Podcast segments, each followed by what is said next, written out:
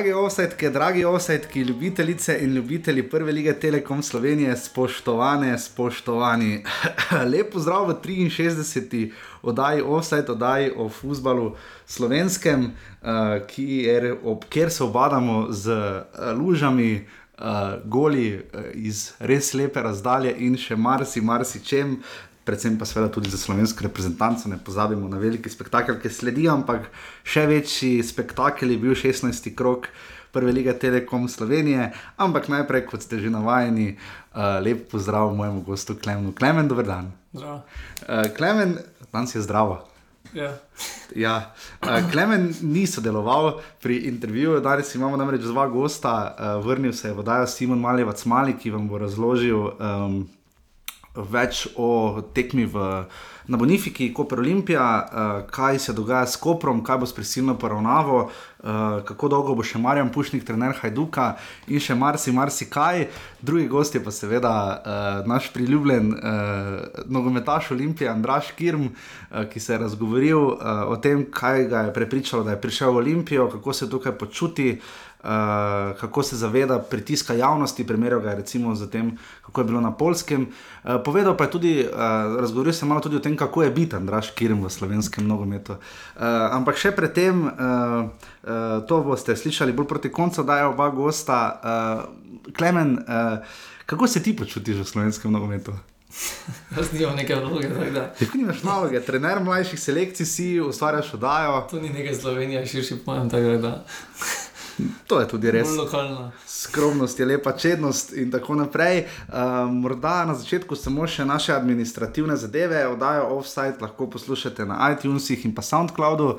Na iTunesih smo dobili še par ocen, dobili smo tudi eno zelo, zelo, zelo zanimivo, uh, zanimivo recenzijo uh, o uh, gostih, o tem, kako bi lahko snemali boljše. Uh, tu smo nekako prišli zelo hitro do limita, namreč snemati goste preko telefona. Uh, se sicer da kaj boljše, ampak kolikor sem sam izvedel, kaj pretirano boljše ne, ampak bomo tudi to preštudirali. Uh, meni je bila izrazito očitana subjektivnost na pravem Ljubljanski prestolnici, čeprav imam vedno občutek, da sem bolj uh, skušal, nisem. Slabi občutek. Slabi občutek. Ne, skušam, skušam, imeti pač Ljubljano rad, no, jaz znotraj oddaje, seveda ne. Drugačno, vsak ima drugačno ljubezen. Hvala. uh, ampak ja, tako da uh, vzeto na znanje, vsaka kritika jo bomo seveda tudi zelo poslušali. Uh, tudi dobili smo kritiko, da imamo zdaj redni olimpijak kotiček, ko smo napovedali današnjega gosta, ampak mislim, da temu vsekakor ni tako, da bomo poskušali še naprej dobivati čim več gostov. Uh, upamo na, tudi na Mariboru, kratkem, pa tudi na NZS. Po reprezentančnem premoru, da bomo kakšno dorekli. Eh, Danes že vnaprej op- opominjam, da ne bo vas klemnom verjetno uspelo ujeti žreba pokala Slovenije, ker to snemava okrog 11. dopoledne v ponedeljek, tako da uh, to boste morda zam- zamudili. Uh, skratka, najdete nas uh, na iTunesu, SoundCloudu. Um, Pišete nam lahko na Facebooku, ki smo ga začeli malo bolj uporabljati, in pa na offsetafnorbani.com. Zelo veseli bomo pa vsakega prispevka, vsakega evra, to pa lahko storite tako, da greste na urbani.com pošiljnica offside. Naslednjič bo te stvari prebral Klemen. No. uh, Klemen, uh, greva torej zdaj kar z besedo na dan. Uh,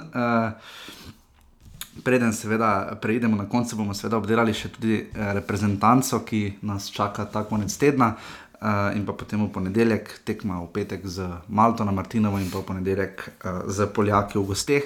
Uh, ampak bili smo v 16. krogu prve lige Telekom Slovenije, uh, Marijo je bil 21 ur na prvem mestu uh, in ga potem spet predal uh, nazaj Olimpiji, uh, tako da v bistvu Olimpija ostaja na prvem mestu. Uh, bil je pa kar pester krok, kot smo napovedovali, ko so prejšnji teden gledala pare, tako da greva kar, kar takoj na začetek. Prva tekma je bila v Velenju, Rodar Alumini, Slobodan Krčmarevič je dobro povzel, tri točke dobimo v gosteh, potem pa samo eno doma. Uh, Ja, Slabo, da imaš forma. Um, mislim, da so zmagali samo Koper. uh -huh. V vseh tekmah domačih so zmagali samo Koper in so na domači lestvici deveti. Uh, Z Aluminijem. V vseh pa tretje mesto. Tretji so. Tretje mesto. tako Da, um, ko zdaj igrajo lažje, oziroma pač bolj manj obremenjeno v gosteh, um, doma pa ne gre.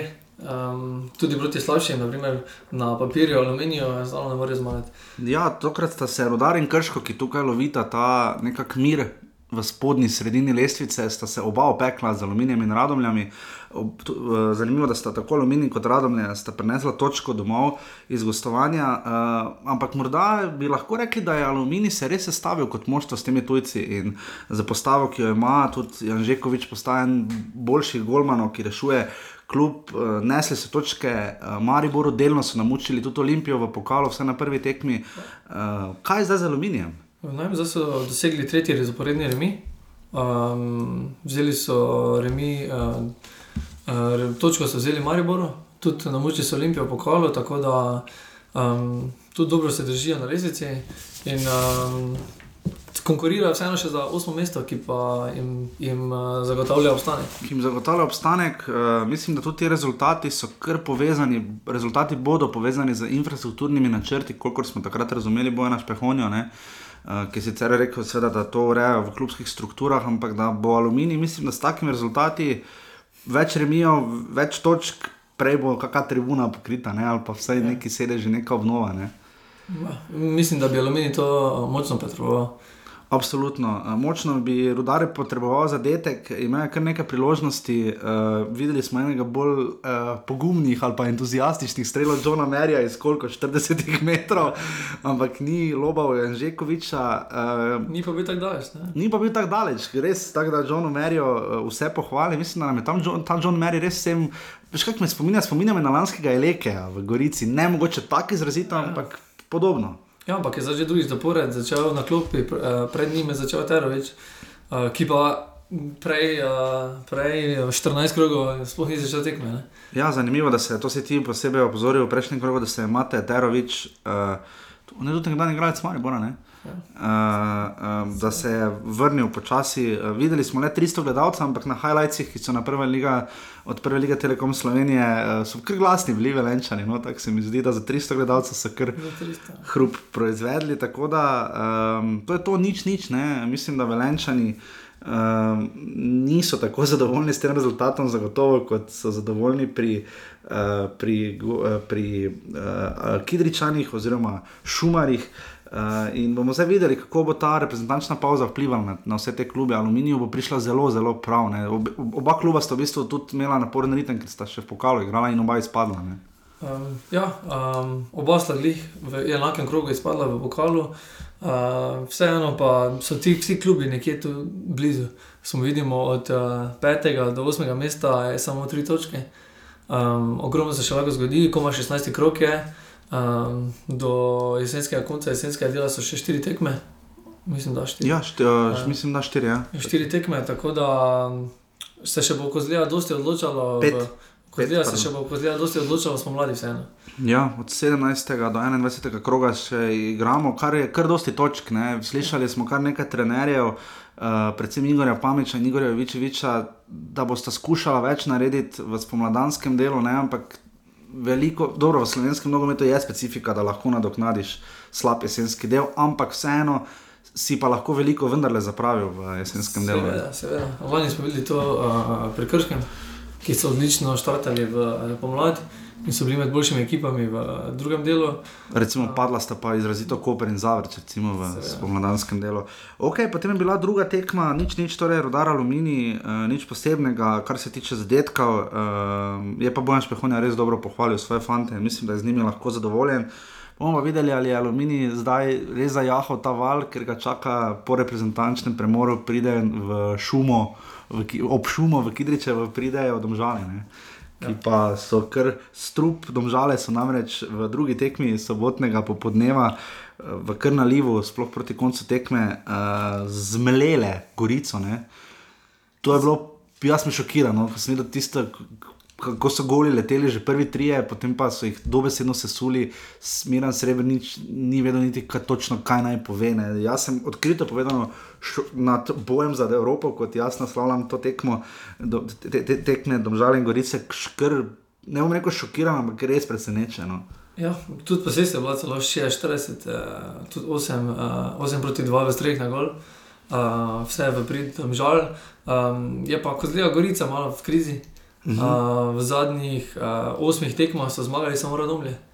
Ja, brez zmag so. brez Ne glede na to, kako so dober vtis pustili proti Mariboru. ne. Ja, ampak zdaj so ravno tiste tri tekme, so jim postale, postale neka prevelika ovira. Um, zdaj so se preveč potrošili, uh, izpadli iz pokala, zdaj so še slabo uh, nadaljevali v uh, prvenstvu in uh, tukaj zaostanek za tretje mesto zelo veliki že.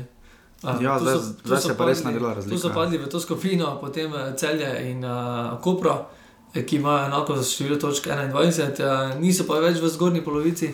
Uh, tisti, kateri so, bi se lahko priključili bojem za Evropo. Tako trenutno kaže, ja, trenutno res kaže, da je boj za Evropo že, ne bomo rekli odločen, ampak se pa zelo nagiba v smer uh, vseh treh klubov, ki so pa še po vrhu, vsi polfinalisti pokala. Ne? Tako da letos bo za Evropo res kar trd boj. Ne? Lahko pa da se zgodi kot lani, ne? da bo potem četrti, četrto vrščenje To šel. je čisto eh, možno, mislim, da moramo počakati na žreb, da bo krka pokal. Absolutno. Absolutno. Uh, 500 gledalcev se je zbralo v Domžalah, uh, Simon Maljevac vam bo potem povedal, da je bila uh, res dobra tekma, da bi sam kupil karto za to tekmo, ker pod Simonom Rožmanom neverjetno, kako ta ekipa teče, laufa. Mislim, od, kako neverjetno se oni borijo. No? Ja, uh, dosegli so tudi največ zadetkov. Ja, so imajo. najbolj atraktivna ekipa, uh, zabijajo ogromno, 23, uh, 36 zadetkov, naprimer, naslednji za njimi so Mariborčani, ki so dali 80 zadetkov manj. Uh -huh. Uh, To bo zdaj Klemno, Klemno kotiček. Klemen je namreč pripravil. Uh, Po številu zadetkov je pripravil, koliko različnih streljcev je zadelo za posamezen klub in pa koliko napadalcev. Ne? Zanimivo pri domžalah. Uh, 14 različnih igralcev je Največ. zabilo, ne. uh, za njimi zaostajajo Mariborčani. Um, naprimer, so pa na lestvici pred zadnji, naprimer Aluminij, Krško in Rodar, ne, z sedmimi. Naprimer, enako imajo tudi celje. uh -huh. Uh, Različnih streljcev. Ja. Ja, Koper in Gorica ima 8 različnih streljcev, v prvenstvu Olimpija pa 9. Uh, če gledamo primerjavi z Domžalami, je kar uh, za 5 uh, streljcev zaostajajo. Je pa res, da mogoče zabijajo po en, uh, po en zadetek uh, igralci, ki pa niso tako številčno kot uh, naprimer Benko ali pa kateri drugi. Vseeno pa pri golih napadalcev pa je prvi na lestvici Maribor. Zanimivo, meni je občutek zelo varo, ker je bilo ene, mislim, da sem že preštel sedem tekem, ker napad ni dal gola. Ne? Ja, ampak so zabili 19 zadetkov. V 16 tekmah je napad Maribora zab- zabil 19 zadetkov. Od 28, tako Ja, da eh, seveda to ni slabo, je pa res, da je tukaj največ zadetkov zabil uh, Sani. skupaj zdaj z, z Zahovičem in Novakovičem. ki pa Sani že kar nekaj časa Ni ne igral, dobi ja. priložnosti. Uh, na drugem mestu so Olimpija in uh, Celje, ki so zabili 10 zadetkov. Napadalci, ja. Uh, oziroma ne, Ne, de, 19 je, oziroma 10, 16 jih ima rodar, ne, tu se Ja, vidi ta 16 John Mary efekt. Ne. 14 pa jih ima Krško z Dagovičem in uh, Kramaričem. Maričem, ja. Um, in, uh, in najslabši pa so v tej lestvici. Uh, Koprečani, zanimivo, samo Koper, samo tri napadalcev. zadetke ne. napadalcev, nasploh pa Koper uh, je zabil samo 17 zadetkov. Ne? Ja. Uh, 17 zadetkov na 16 tekmah je pa zelo malo. No? Manjše samo, uh, potem, kol, kot Ja, vidimo dobro, tu. Ja, letos je res število golov na tekmo, lahko potem pogledamo, kolikšno je, ampak. Uh, Ampak, naprimer, pri Radomlju pa od 12 zadetkov je 8 različnih jih zabilo. Ne? uh -huh. Torej, skoraj vsi imajo po en zadetek. Ne? Um, mislim pa, da pri zadetkih smo letošnji sezoni kar močni. Če gledamo, da žale so zabijali več kot dva zadetka na tekmo. Uh -huh. In uh, vidimo, da malo krat se konča tekma z nič, nič. Tako naprej, v, tem Zelo- kolu je bila, v tem krogu je bila samo rodar uh, aluminij. Pa Maribor je Ja. prejšnjem krogu prvič sploh da Ja. gola ni dal, ne, je bilo proti aluminiju.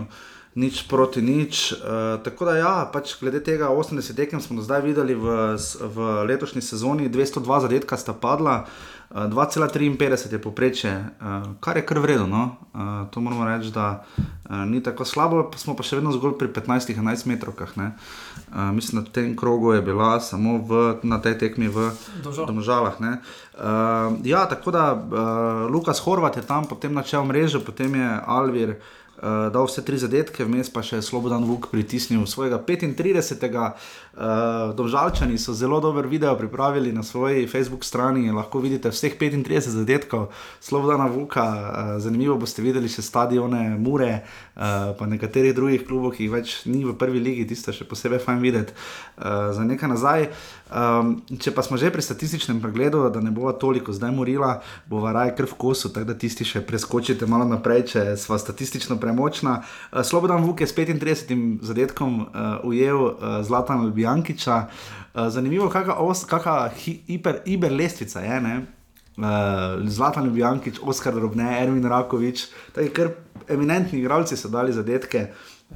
Za, uh, za domžale, ampak uh, domžalčane to vršča predvsem na rep uh, po številu klubskega streljca, po številu zadetkov. Kraljuje, seveda, Marko Tavares z 117 zadetki, uh, drugi, to smo danes mimo na Facebooku, uh, smo nekatere lokalno povezane poslušalce uh, izzivali, da uganejo, kdo je. Uh, Rekorder kluba, stare Olimpije, potem je Zoran Ubavič s 70 zadetki pri celju, ne, Zanimivo je, Andrej Goršek s 67 zadetki, kdo bi rekel, da je v Gorici? Ne, ne, ne, ne, um. ne, ne, še manj. Mina Noster, z 62 zadetkov je rekorder. Uh, mislim, da največja razlika med rekorderjem in drugim na lesici je definitivno v Kopru. Uh, ker je uh, ne, Pučko je drugi za 26 zadetki, prvi pa z naskokom, Saša komin z 62, 40 zadetkov, razlike skoraj da. Pri Primorju je to bil, ker smo vzeli klube, ki so bili v ligi več kot 10 sezon, je bil Marko Vogrič za 49 zadetki pri Novi Olimpiji, kdo je rekel, da je najboljši strelec? Vršič. Pri Novi Olimpiji? Ja. Ne, niti blizu, Andraš Porar, 46 zadetkov. Um, Štefan Škaper je rekorder Mure, na stara leta bil z 39 zadetki, seveda jih je dosti več zabil za Beltince in ostaja še vedno za 120-130 zadetki, rekorder lige, Slobodan Vuk, torej 35, potem so pa ti klubi, uh, ki so redko igrali v ligi. Trenutno sta seveda Aluminij, Robert Kureš, vseeno zabil 15 zadetkov, ne? to je še iz prve ere. Uh, uh, aluminija, potem vzeli smo še Zavrič, pokojni, da smo se nam spomnili, sta Doris Kelenc in Dino Kresinger z 12 zadetki, tako da ni Rijer, pa Muslimoviča in tega. Uh, pri Krškem seveda s šestimi zadetki Filip Dangovič, rekorder v prvi ligi, uh, pri Radomljah pa je dovolj pet zadetkov za, uh, za um, vodstvo na lesnici, ampak so. Po pet zadetkov sta dosegla v še prejšnji eri Jane Zavrl in pa Igor Barukčič. Tako da to je kar zanimiva statistika. No? Jo je pri rodaru, rodara pa nisem napisal, čakaj. Mislim, ti si res prenašen. Pa smelo, čakaj, čakaj, čakaj, čakaj. Vse bom na, bomo našli hitro uh, arhiv, to ima, mimo grede, res prva liga, če ima kaj vredno narejeno, ima to. Uh, najboljši strelec rodarja je Matjaš Cvikl z 42 zadetki, dva gola je dal za 11 metrov, ki zanimivo, da ta varje zdaj samo 4 gole spelano, um, kar je res malo, tako če pogledaš od 117. Ne? Um, ok, domžale Gorica, torej 5 proti nič, uh, tretja tekma, domžalčani so zabili 5 komadov, uh, pred tem radom in krškem, zdaj pa Gorici. Uh, misliš, da se bo Gorica pobrala, zdaj potem nekako, da ni, bo verjetno reprezentativna pauza, skoraj da ne bo prav prišla, ne? glede na res padec. Ja, Gorica je v igri, igri in formi, ko zdaj padla. Um, Bo pa, bo pa zdaj kar nekaj ekipom, ki je uh, ustrezalo to, da se bo en teden spočili, oziroma dva. Eno, dva, v bistvu tako če gledaš, ja. dva. Uh, se bo spočili, razen mogoče najbolj uh, dolžalam ne bo ustrezalo zdaj, uh, ta premor. Ja, ker so res na leto. Ja, vsem ostalim mislim, da bo kar ustrezalo. No. Tako nekako imamo občutek, da se po parih dogaja. Domžale so recimo proti Mariboru in Olimpiji ugotovile, da jih ne morejo, da ne morejo točk nesti. Gorica je. Ampak pri Gorici pa je zanimivo to, da so pa na prvi tekmi premagali, domžale s 3 proti 1, res ja. pa da takrat bi še mislim nazadnja tekma Luka Elznerja. Ja. Um, ja, tukaj se vidi, da lahko enake ekipe na drugačnih stadionih lahko uh, presenetijo vsakogar in, uh, in nič ni naprej določenega, kdo bo kje zmagal, ne glede na lesice. Ne. In potem tretja tekma, uh, ja, še tokrat izjemoma, ni mogel iti na tekmo. Uh, tri, uh, tretja tekma, tri nič. Marijo cel je dve proti nič, uh, zelo pestra tekma. No? Uh, tekma, kjer je celje do polčasa prvega precej zanačilo moči in v drugi polčas krenilo praktično po gol. Tam je Džinič, Handanovič res jajno obranil uh, tisti strel, potem pa se je pokazalo, kako malo potrebuje Maribor. Uh, ja, Maribor je zabil iz pol priložnosti, oziroma iz kota, Zahovič je zabil, ponovno na pravem mestu. Uh, Neverjetno, tako pipo in zagi, ja. ne tam res. Ne Rozman, ne Pišek, noben ni mogel vedeti, kako se je ravno tam znašel. Ker tudi Novakovič strelj ni bil slab z glavo, ampak je bil pa predvsej od gola oddaljen. Um, na koncu pa je Maribor zasluženo zmagal, še zabili so iz proti napada. Ja, tam je Dare vršič res ja. lepo potegnil. Uh, Dare vršič ponovno asistenca Uh -huh. uh, in je sedaj na prvi lestvici. Prvi, Skupaj Aha, z skupaj z Vukom. Ja, Vuk je pa tudi dosegel proti domžalam tri asistence. ne. Ja, Uh, tako da ima zdaj v bistvu po točkah je, ja, je med šest zadetkov, pa šest podaj. ima, ne. 12, ima, ja. Um, tako da ni slabo. Um, vseeno pa se je zdaj videlo, da se je vršič vrnil v ekipo Mhm. in se igra zelo popravlja. Videlo se je, da Kozlija vršič zelo pomeni ekipi in uh, brez njega so nekaj točk izgubili, vseeno pa so bili boljši nasprotniki, po mojem mnenju. Pri Daretu vršiču je to vprašanje, nema pogodba letos poteče. Ne? Za, v kakšni obliki in za kako dolgo bo Marijo podaljšal z njim. Trenutno se zdi, da bi to bila zelo smela poteza. Ne? Ja, pa mislim, da ne na edinemu, da ne poteče edinemu, tudi še katerim drugim igralcem. To tako ali tako, ja, ampak trenutno je Tudi prvi tince, naprimer, Hananovič poteče. Ne? tudi. Um, in uh, vidi se, da tu mislim, da je tovariš, ne je tovariš, Novakovič. No, ko več da poteče. Novakovič, tako da kar nekaj igralcev uh, bo se mogli vprašati, če bodo podaljšali, oziroma če bodo nadaljevali z temi, ali bodo mlajše, ki čakajo, pa v zadju uh, forsirali naprej. Mhm. Uh, vseeno pa smo videli, da Zahovič, ki je posojen, uh, prišel je kasneje, je zabil pet zadetkov. V 346 ali koliko tako da- minutah. Ne? Tako da v zelo malem času je prišel uh, na klubsko prvo mesto, skupaj so zdaj izenačeni vsi, Sani Novakovič in uh, Zahovič. Uh, videlo pa se je, da, da mogoče celje ni bilo pravo. Ne? Imajo. Pa ne bi rekel ravno pravo, tako meni je ta Jovičevič, ne vem, ko sem poslušal potem izjave iz tiskovne konference, ko mi jih je novinarski kolega Marko Kovačevič, hvala poslal. Uh, ne vem, tudi tista izjava, ne pa vi ste eksperti, pa to, ne vem, meni se to, ne vem, pač cel je mar na papirju res dobro ekipo, no, mislim, ima, videlo se je, koliko štejejo izkušnje, ne, Cvjanovič je probal z žogo večkrat naprej, Volaš se je kar precej trudil, Džinič je dvakrat skoraj zadev, tudi Rahmanovič je probal igrati, cel je res nima slabe ekipe, ne, potem imaš tudi uh, Rozman je kar ok brano, uh, ni slaba ekipa, ampak po se... imenih, po imenih, eh, pa po mnenju uprave, ki ga zdaj ima ogromne težave, v klub sam ima v upravi zdaj uh, ogromne težave, ti Ukrajinci, ki zdaj so, so vplivali tudi za menjavo pevnika. in Ki je so- škoda, ga, je, ne, jaz ga res pogrešam, Roberta Pevnika, Ja. ker se mi zdi, da je on znal več iz teh fantov izvleči. No. Ja, bili so mnenja, da je ta ekipa za tretje mesto, da se mora boriti za Evropo. Sedaj pa vidimo, da tukaj malo zaostaja, ne glede na pa kvalitetno moštvo. ne. Ja, zelo, mislim, tako postava, ko je bila, ampak tudi menjave, ne, menjave, mu, menjave mu res nista uspela. Lauričič je še nekaj probal, uh, ker Kovs morda ni bil tako prodoren po desni strani, ampak menjava Požek Vanca, recimo, pa sploh bila strelj prazno. Uh, Jovičevič je na tiskovni konferenci pač povedal, vredo imate vi pravico na to mnenje, jaz pač vidim stvari. Po svoje, bolj me skrbi to, tako sem prej omenil, da je rekel, da bomo popravljali te stvari, oziroma da saj imamo spomladanski del. Ne. Mislim, da za ekipo kot je celje, je to malo skromno mnenje, no, oziroma nezahtevno, neambiciozno. Ne? Ja, ko zdaj, on, tudi, on je tudi mnenja, da ni pripravljena ekipa dovolj um, kondicijsko. Uh, mislim pa, da je ekipa prezmagovala. Uh -huh. Uh, da so igrali lep nogomet, uh, bili so visoko, tudi uh, klima je bila kot zelo dobra. Uh, tudi prebral sem, da so pevniku tri dni pred odpovedjo ponudili Na delo v mladinski šoli. Ja. podaljšanje. Podaljšanje. Ja, podaljšanje. Uh, tri dni pred odpovedjo so, so, so mu, mislim, da na SM portalu je, bila, je bil z njim intervju uh, in so mu ponudili tri dni pred odpovedjo podaljšanje pogodbe, potem pa se je stvar zelo zasukala, Ukrajinci so želeli zamenjavo in uh, ne glede na to, da Ukrajinci še enega evra niso vložili v, ja, to v, tisto. v klub, uh, želijo imeti uh, zelo besedo zraven uh, in, um, in ko zgleda, to ni dobro. Ne? Ampak Ampak že ja, videli v dosti, v dosti klubih Mura in primerni, in primerni klubov, v kateri so neki investitorji prišli, ki pa to mogoče niso bili in so klub pripeljali na, na neprave poti. Ne? In na koncu pa poberejo, pa, pa je klub v težavah. ne. Je kljub potem v velikih težavah, in celje ne bomo zdaj rekli, ravno, da se je znašlo v težavah. Ima 21 točk, uh, 23 točk na krvarnem četrtem mestu. Pač je pa dejstvo, da ambic ambicije lahko grejo precej više, ne glede na to, ka kako so se ukrepili v tej sezoni. Uh, Napravim, recimo lanski, uh, je pa tudi res, da so nekaj gradcev izgubili, ampak tudi prodajali. Ne, zdaj, če- Celje se mi zdi, da je ugotovilo, da imeli so Verbiča, imeli so Bajdeta, imeli so Sanja. Sanja, Vrhovca, Miškiča, ne? dajmo še mi, ne? bomo še mi, ampak trenutno celje po imenih, ne? to so kar z izjemo Piška in Pungarška, ne? delno seveda tudi Rahmanoviča, ne?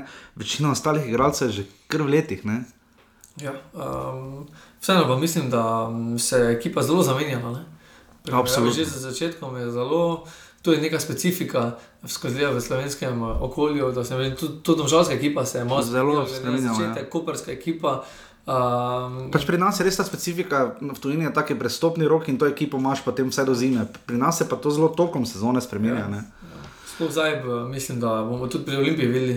Uh, Kar nekaj verjetno spremenilo. Mislim, da ob prihodu novega športnega direktora, da bodo kar radikalne spremembe po mnenju. Do Olimpije takoj pridemo še kasneje, ampak mogoče pri Mari Boru zaigral Aleksandr Rajčevič prvič po, po 25. juliju 2015, uh, ko je tudi takrat igral dve tekmi samo v prvenstvu, ko se je potem poškodoval kar precej. Uh, jaz sem razumel, da, niča, da ne bo igral v petek na diskalki, potem pa ga vidim v prvi postavi, potem pa reče, da začuti nelagodje in vprašanje. No, malo smo tu videli, malo če se dotaknemo. Jaz sem se nekaj o tem pisal, lahko tudi normalni pika si preberete. Uh, forma teh, recimo, če malo pogledamo ta tekma, je, dobili so priložnost, recimo, igralci, ki ne igrajo toliko, Mertel, Viler, uh, uh, no, seveda tudi uh, Rajčevič. Uh, kaj bi rekli za to ši, globino kadra, ki jo Maribor ima, zdaj pri Vilerju smo videli, da je res. Vprašanje je, če stagnira. No? Jaz mislim, da ne, jaz mislim, da pada ne, v formi. Zelo. Ja, pač uh, on tudi dosti priložnosti do zdaj v prvenstvu ni dobil. Uh, videlo se je, da se je zamenjali, mogoče dveh let, da je Anža dobil drobtinice, zdaj dobijo Viler drobtinice. Je pa seveda, on je že v, v drugačnih letih, kot je takrat prišel v klub in pozneje, mora tudi eh, sam pričakovati, da se mu vloga počasi zmanjševala, enako se je zmanjšala vloga Mertla. Čeprav Mertl, moramo reči, pogumna odločitev bi se lahko izkazala za katastrofalno, da Darko Milanič je namreč dal le Mertla kot branilca na klop. Ne? uh, in potem se raje več poškoduje ali kakorkoli pač javi, da ne more. In tu je ta hvaležna vloga ali še Mertla, pa tudi Denis Šmeja. Denis Šmeja za ne dve tekmi začel na boku, pa končal na štoperju. Ne? Ja, uh, imajo igralce, ki so sposobni igrati uh, več pozicij in to je samo dobro za ekipo. Um, vseeno pa se vidi, da je širina ekipe uh, v Mariboru ima večjo in se lahko tudi ob takih stvarih uh, znajdejo. Videli smo, da nekih problemov, nekaj kvalitetne tekme, lepe na oči ni bilo, ni bilo. Ja. Vseeno 2-0. Um, pre, preko noči so bili na prvem mestu, v teh olimpijskih prehitela, ampak mislim, da uh, je ta kar dvoboj, kar zdrav. Zelo. Uh, in uh, vsakeč en prehiti drugega, in uh, tudi Olimpijo vidiš, da potiska naprej, zato so tudi bili prisiljeni v spremembe. In, uh, Ja, zelo se, se pozna. V teh petih tekmah za stanka do, do konca tega dela ja. bo pozdravljeno tudi boljše. Ker takrat sprašali smo Darka Milaniča, kako pred tekmo še z aluminijem, kako on občuti to dejstvo, da pač sobota, nedelja, ne, da niso tekme na isti dan ali hkrati. Ne. Je rekel, da on osebno ne občuti tega. Ne. Da pa ima občutek pri igralcih včasih, da je pa zelo različno slačilnici, včasih je glasno, včasih je tiho. Moramo pa reči, da zdaj, ko vidimo to zaporedje, ker letos pa se več menjava, ne. Maribor bo v naslednjem krogu spet igral v nedeljo z Radomljami, Olimpija bo igrala doma. To je drugače, ker so se ponovili nasprotniki. Ponovili so, ja, ker so prevzemali nasprotnike, kak je že bilo, Maribor je pobiral Olimpije, Olimpija, Maribor, vse ne vem. Ja, Olimpija je Maribor, ja, ker je zavreč, da se spomnim, Olimpija je pobirala tekmece Maribora. Uh, in morda tu uh, bomo videli, zakaj bo naslednji krok, ne Mariboru se je zapletlo, recimo in v, uh, v Velenju, po derbiju, in v. Um, Uh, ali prederbijem, mislim, prederbijem. Uh, uh, in potem recimo v Kidričevu, zdaj se je tudi Olimpija kar precej mučila. Ja, zdaj se pa v avgustih. Ja. Zdaj sta bavili vseh, Olimpija gre v Gorico, Marijo gre v Žale, igra proti Rodomljam. Olimpija gre v Gorico, ups. Um, tako da za Gorica, ki je malo v slabši formi, kot je, uh, bo potrebno strniti z vrste in uh, zdaj pričakujejo prve na lesici. Ja, zdaj pričakujejo. Prve na lesici bomo videli, kako se bo znašla Olimpija v gosteh. E, morda še, e, da sklenemo, v ljudskem vrtu je bilo zanimivo, na oko je delovalo skoraj 3000 ljudi, Uh, ene ocene so bile 2500, Stipe Erič rekel, da je bilo 2000, ne meni se je zdelo vse 2500. Uh, morda tu pri Mari bo še na sredini vrnil se Aleks Pihler, po poškodbi uh, odstopiti je moral. Uh, tudi vrhovec, ne, zaradi uh, poškodbe kaphe, oziroma kaphe pač javil. Mali so res desetkali te poškodbe, ne, tu je Mila nič res ni imel sreče. Uh, Zahovič je bil zelo pogrešan v Kidričevem, ne, ko je, bil, ko je zbolel. Uh, Uh, tokrat smo videli, da Tavares pa sami niso dobili priložnosti, ki bi najbrž še oče ne bi bilo poškodb. Ja, um, Martin je tudi vstopil, ne, ne pričakovano Mhm. mogoče. Ja, da, da dve menjavi sta bili predvsem nepri... Ka, daj vas skleniti, kakšno je tvoje mnenje o Dinu Hotiču? Uh, zdaj se zdi, da ko se, bo, ko se bosta vrnila Aleks Pihler in Dare Vršič, če se bosta, seveda, če boste, tako kot mora biti, če boste zdrava, mislim, da se bo Dino Hotič vrnil na klop. Ne? Pa ne vem, mislim, da vseeno tukaj zamenjave so a, zdrave, mislim, da tudi lahko speči nekaj igralcev. a, Za Laliha, recimo, ki je zdaj zelo tekel, ogromno, ampak je res že na, na Tako da koncu. mislim, da bodo dobili vsi minute, ne glede na to, ali so v prvem planu ali drugem, lahko se tudi rotira, menjava. da Je samo dobro, tu vidimo, da je Pikler vstopil, mogoče bo Hotiš na drugi tekmi vstopil. Tako da važno je, da so v prvem planu, da, da pa tisti evropski uh, jeseni, da poletjo, uh, da ko čisto nekako poniknil, ga ni bilo, da je vseeno zraven pri ekipi, pa da še dobijo priložnosti. Absolutno. In to je bila tekma v Ljudskem vrtu, soboto zvečer, dve proti nič. Uh, offside kroga gre tokrat kanalu A, vidimo še naprej, da se tekme ne bodo kaj prida premikale na zgodno uro, vse ne sobotne. Očitno je ta termin uh, za gledanost dober, ker so delegirane uh, tekme, recimo vse tja dože do recimo 17. krog igra v Gorici tekma v 8 pa 15, v 18. krogu je v Mariboru s Krškim tekma v 8 pa 15, v 19. krogu je tekma tudi v Mariboru s Koprom ob uh, v sredo ob 20 uri in 15 minut. Ne. To so res pozni termini, so malo zahladilo, po, po vrhu še vreme res ni bilo dobro, ampak ko smo pri vremenu, vsi ostali so imeli piknik v primerjavi s tem, kaj so imeli v Krškem. Ne. Prva nedeljska tekma, Krško radom je 1 proti 1, 700 gleda, 750 gledalcev. eh, Je na stadionu Matija Gubec eh, videlo res nekaj, kar ne vidiš pogosto. Eh, Tomaš Petrovič je res priznal, da je to bilo na meji regularnosti. Um, kaj misliš, bi bilo boljše, če bi se sodniki odločili in tekmo predstavili? Ne, mislim, da so že bili razloge, da se je tekma odigrala, na nekih delih igrišča se je šlo. Ja, po Je doni šlo. strani, Ja. tam kontra tribuni. Ja. Ob stranih pri kornih zastavicah, eh, pa ko zdaj so bile večje luže, eh, žoga se je zastavljala tudi pri vodenju. Um, malo so imeli težav, ampak mislim, da so igralci tudi navajeni igrati, v tem se tudi igra. Um, ne glede na pa vse, pa smo videli vseeno dva zadetka.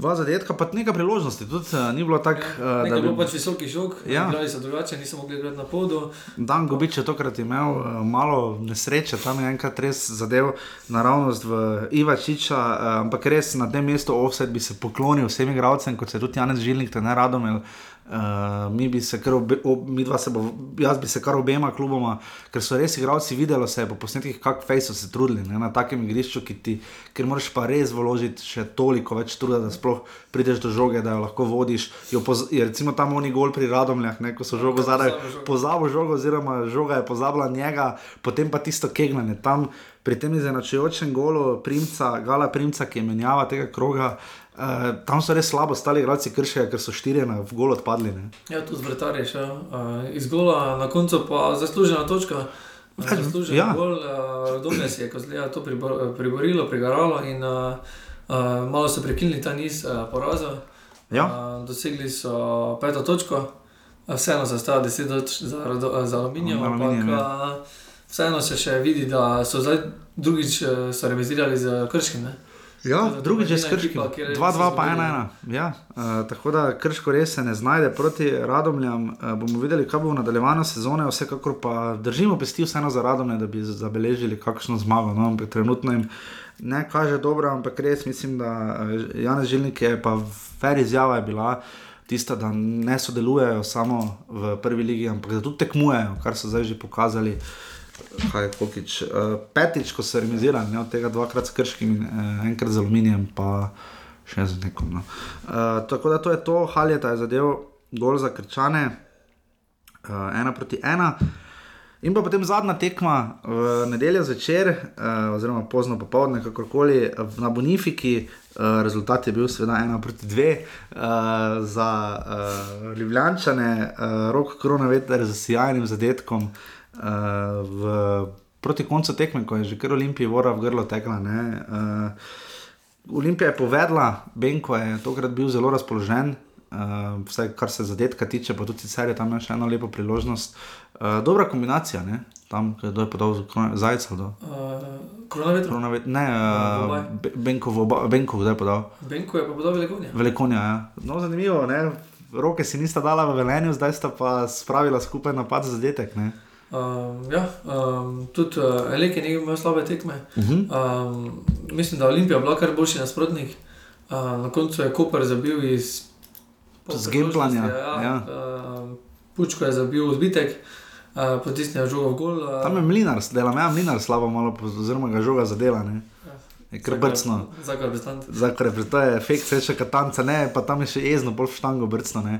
Uh, tak da, um, tako da, ja, tu pač tam je padlo malo in potem Koper, ne bomo ravno rekli, znal res držati ravnovesje, ampak eh, Olimpija ni znala zadetka, da je dolgo, ne, potem do konca.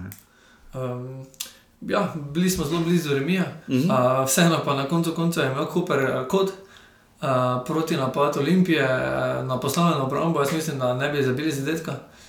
Potem je Koper želel doseči gol, ampak smo videli, da je bila to napaka, ni bilo moči, da bi se vrnili.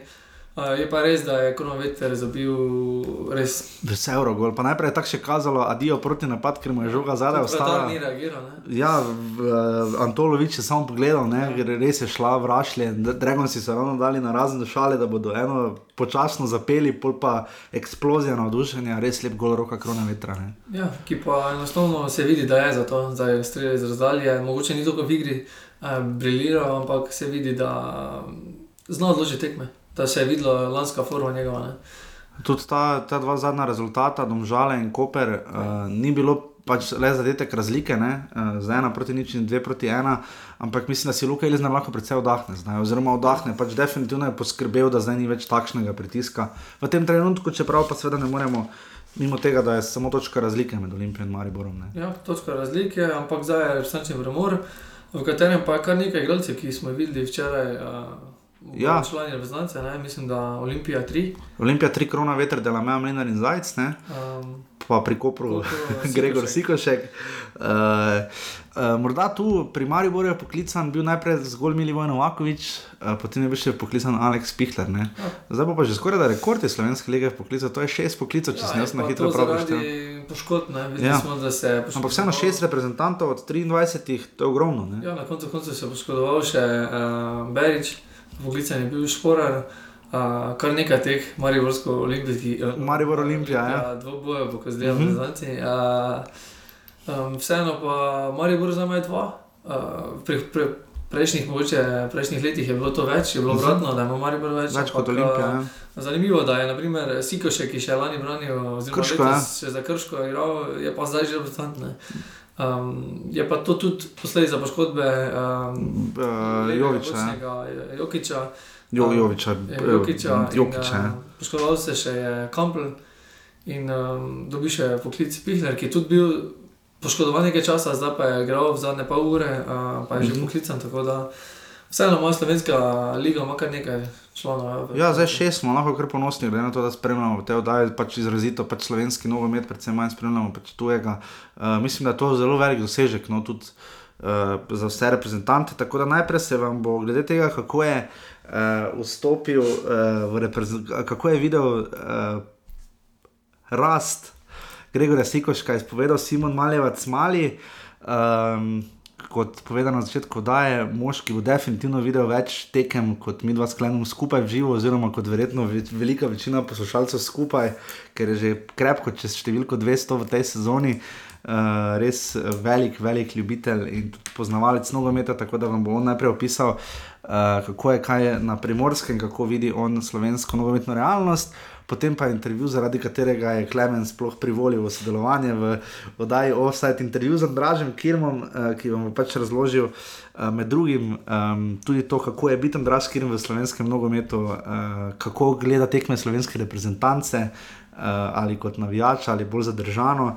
Um, In pa to, kako je, kako je v Olimpiji, uh, kakšne ambicije ima klub in ali lahko Olimpija uh, poseže tudi, recimo, predvsej dlje v Ligi Prvakov. Zanimivo, Andraš Kirm je kar petkrat že naskakoval Ligo Prvakov, ne v kvalifikacijah, dvakrat z Domžalami, dvakrat z Vislom in letos še z Olimpijo. Uh, tako da bomo videli, ali jo bo uspel še šestič. Tako da uh, sledite torej Simon Malevac Mali in tako zanimivo Andraš Kirm, uh, potem pa se mi da še sklenom vrneva za sklepne velike besede.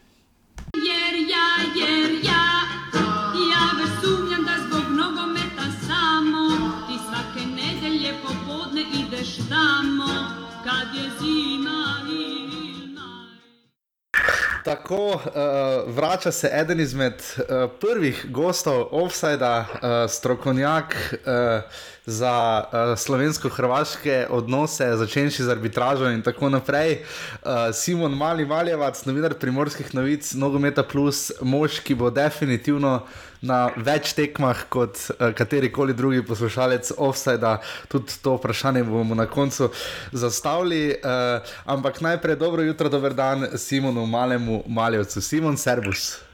Lep pozdrav tudi tebi, Jaš. Uh, Simon, uh, greva kar uh, k glavni, seveda, zgodbi, kar se tiče uh, obalnega primorskega futbola, včerajšnje tekme, Kopra in Olimpije. Zdelo se je, da bo pa tokrat uh, Olimpija šla spet za spomini na čase, ko nikoli ni Kopra mogla ognati na Bonifiki, pa je potem Grona veter zabil tisti Eurogol. Uh, Kaj je s Koprom? Uh, daj malo opiši. Včeraj so bili kar pošteno oslabljeni, pa so kar dobro konkurirali Olimpiji. Uh, kaj je s Koprom, kam bi ga ti dal po tej tekmi, oziroma nasplošno po tem, kar vidimo do zdaj?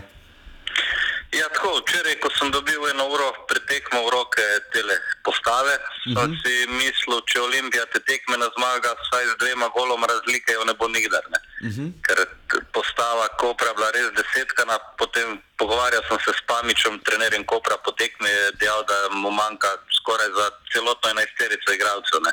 Tako da je, je potem skrpal sto, teh enajst, ki so mu bili na voljo, ki so vsaj v približnem nekem tekmovalnem ritmu in tudi dejal je, da v bistvu sploh ne bi te enajsterice do konca tekme zamenjal, če ne bi mogel zaradi poškodb utrujenosti. Tako da je imel res eh, pri, tem, pri sestavi ekipe zvezane roke.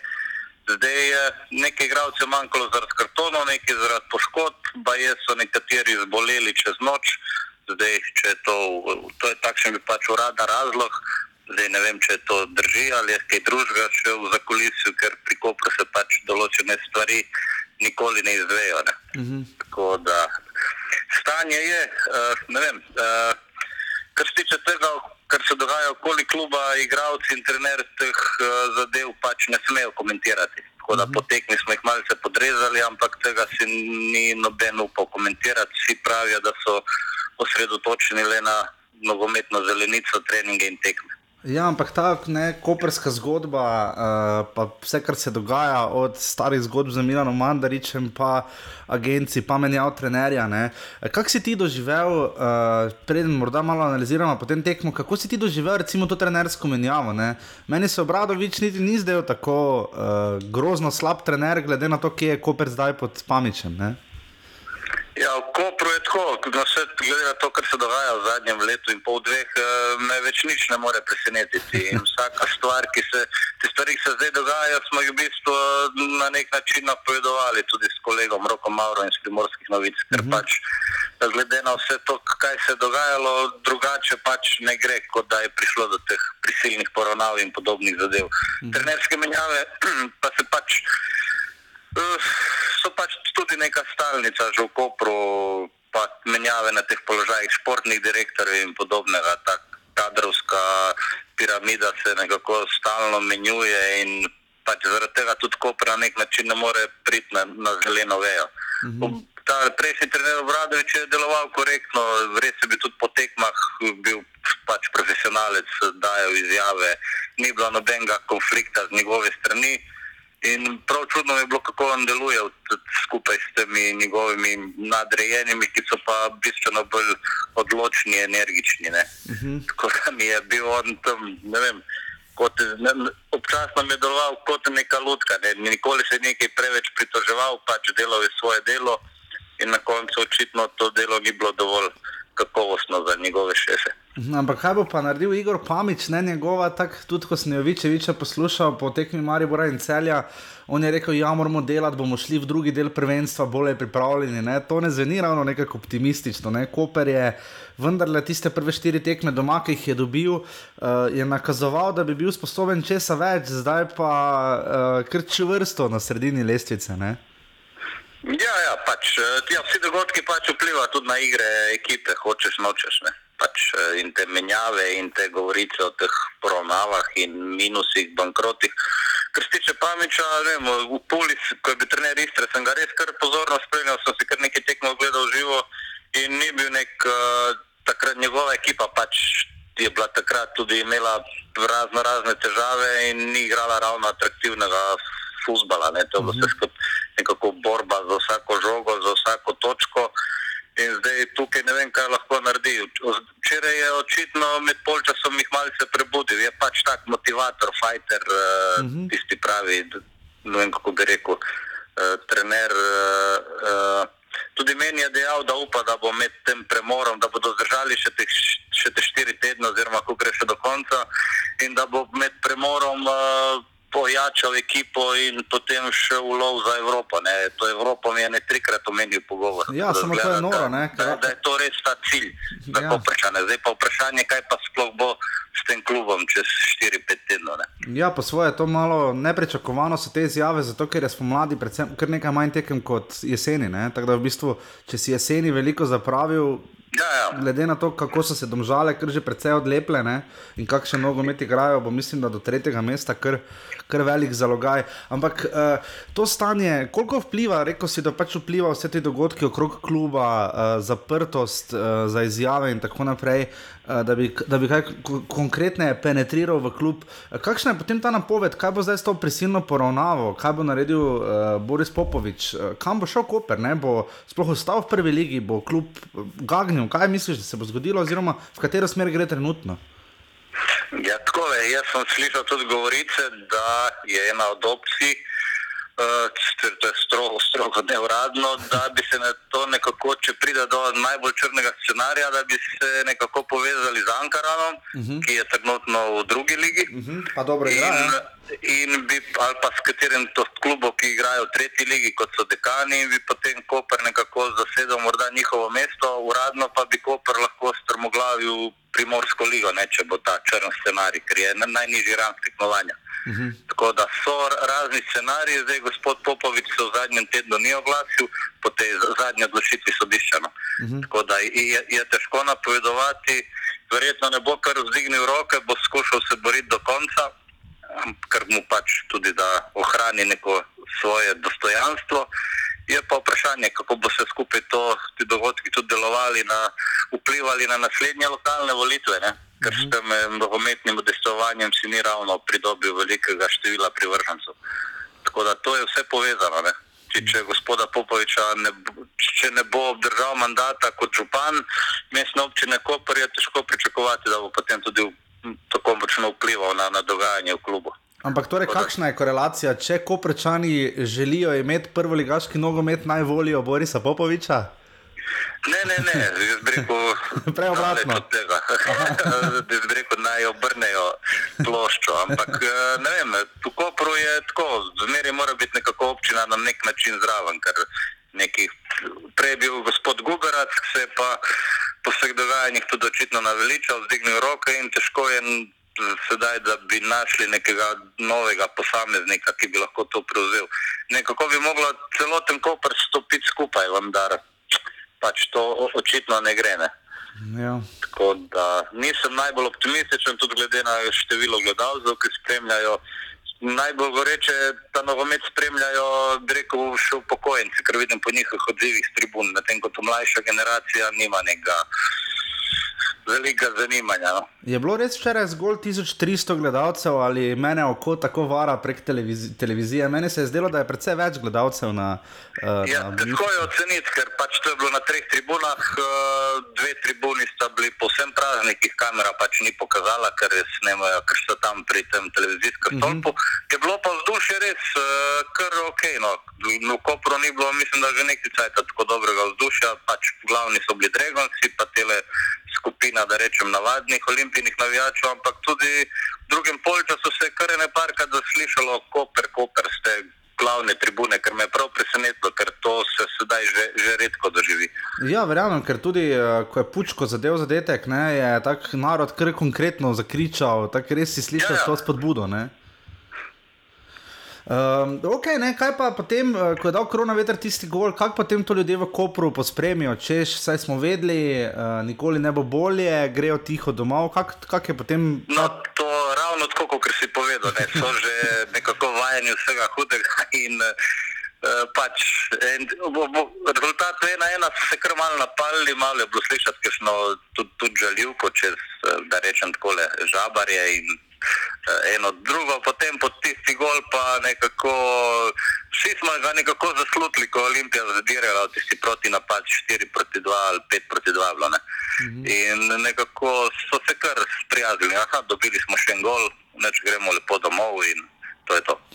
Kako si, si ti razlagal uh, poklic Gregorja Sikoška, ki igra za Koper, sicer je bil igralec tudi uh, Krškega, pa predtem Brežic v drugi ligi. Kako si, si ti predstavljal, uh, kako si, si ti razlagal uh, njegov poklic?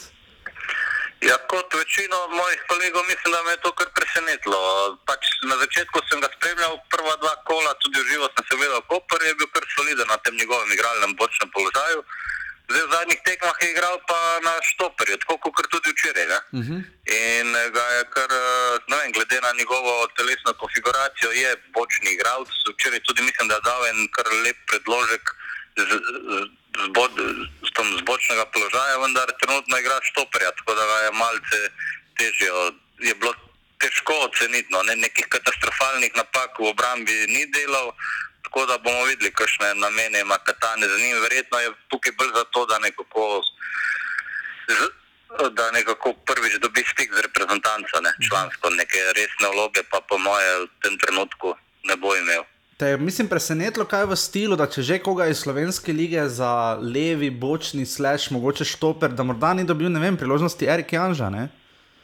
Ja, se je kar nekaj igralcev tukaj, ker bi, ne vem, tako malo se razmislil, tudi v soboto sem bil na tekmi v Domžalah, sem uh -huh. malce spremljal. Uh, Balkoca, mislim, ne? Tako da je kar verjetno je še kakšen igralec, ki bi si to mor, mogoče bolj zaslužil, ki je bolj izkušen, vendar pač selektor se je tako odločil in zdaj po novem selektorju spet zaupamo. Ne? Ja, absolutno. Videl si tudi živo še enega drugega reprezentanta, Antonijo Delamea, Mlinarja. Kakšen ja. tudi te morda ta del presenetil? Ne?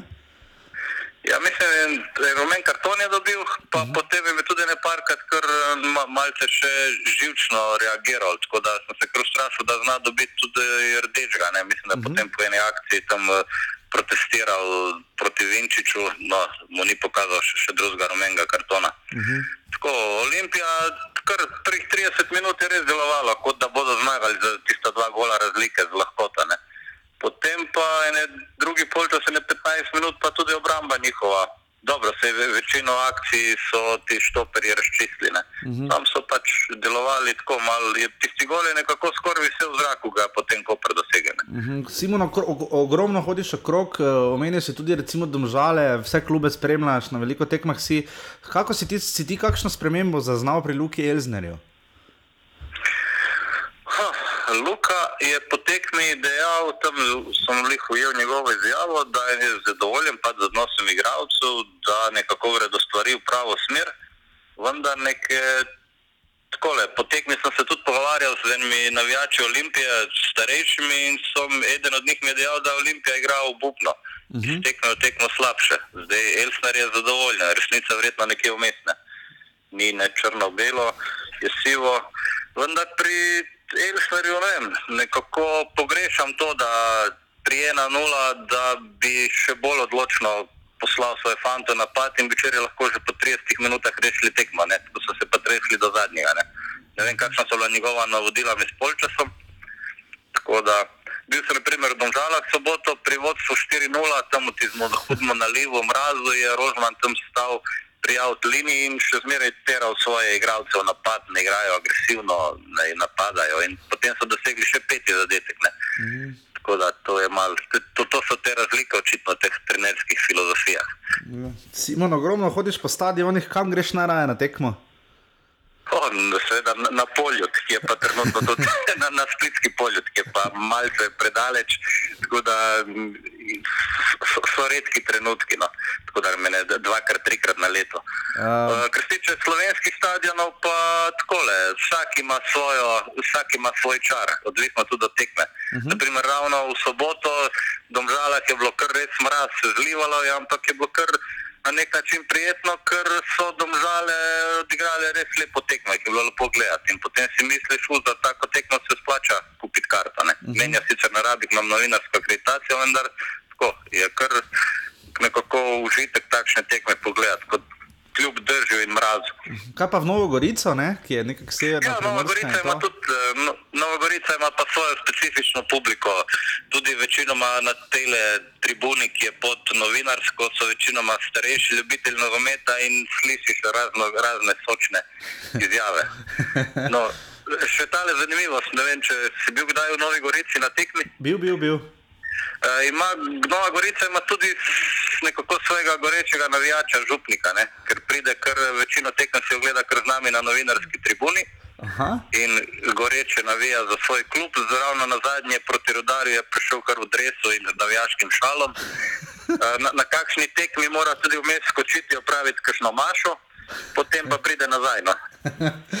ja, in, in, tudi, in tudi sam prizna, da med mašo ni ravno najbolj skoncentriran zaradi futbola. Jaz si lahko mislim, zdaj, mislim, da bo pa moral še zmoliti za sebe, kakšno sodeč po tem, kaj so domžale naredile Gorici v soboto. Ne? Je to bil nek, uh, na prvi tekmi teh, teh tekmecev, ki nekako rečemo boj za Evropo, ne? je pa Gorica precej suvereno slavila. Uh, kaj misliš, domžale ali Gorica? Kdo, kdo je bolj pripravljen na Evropo? Verjetno domžalčani. Ne?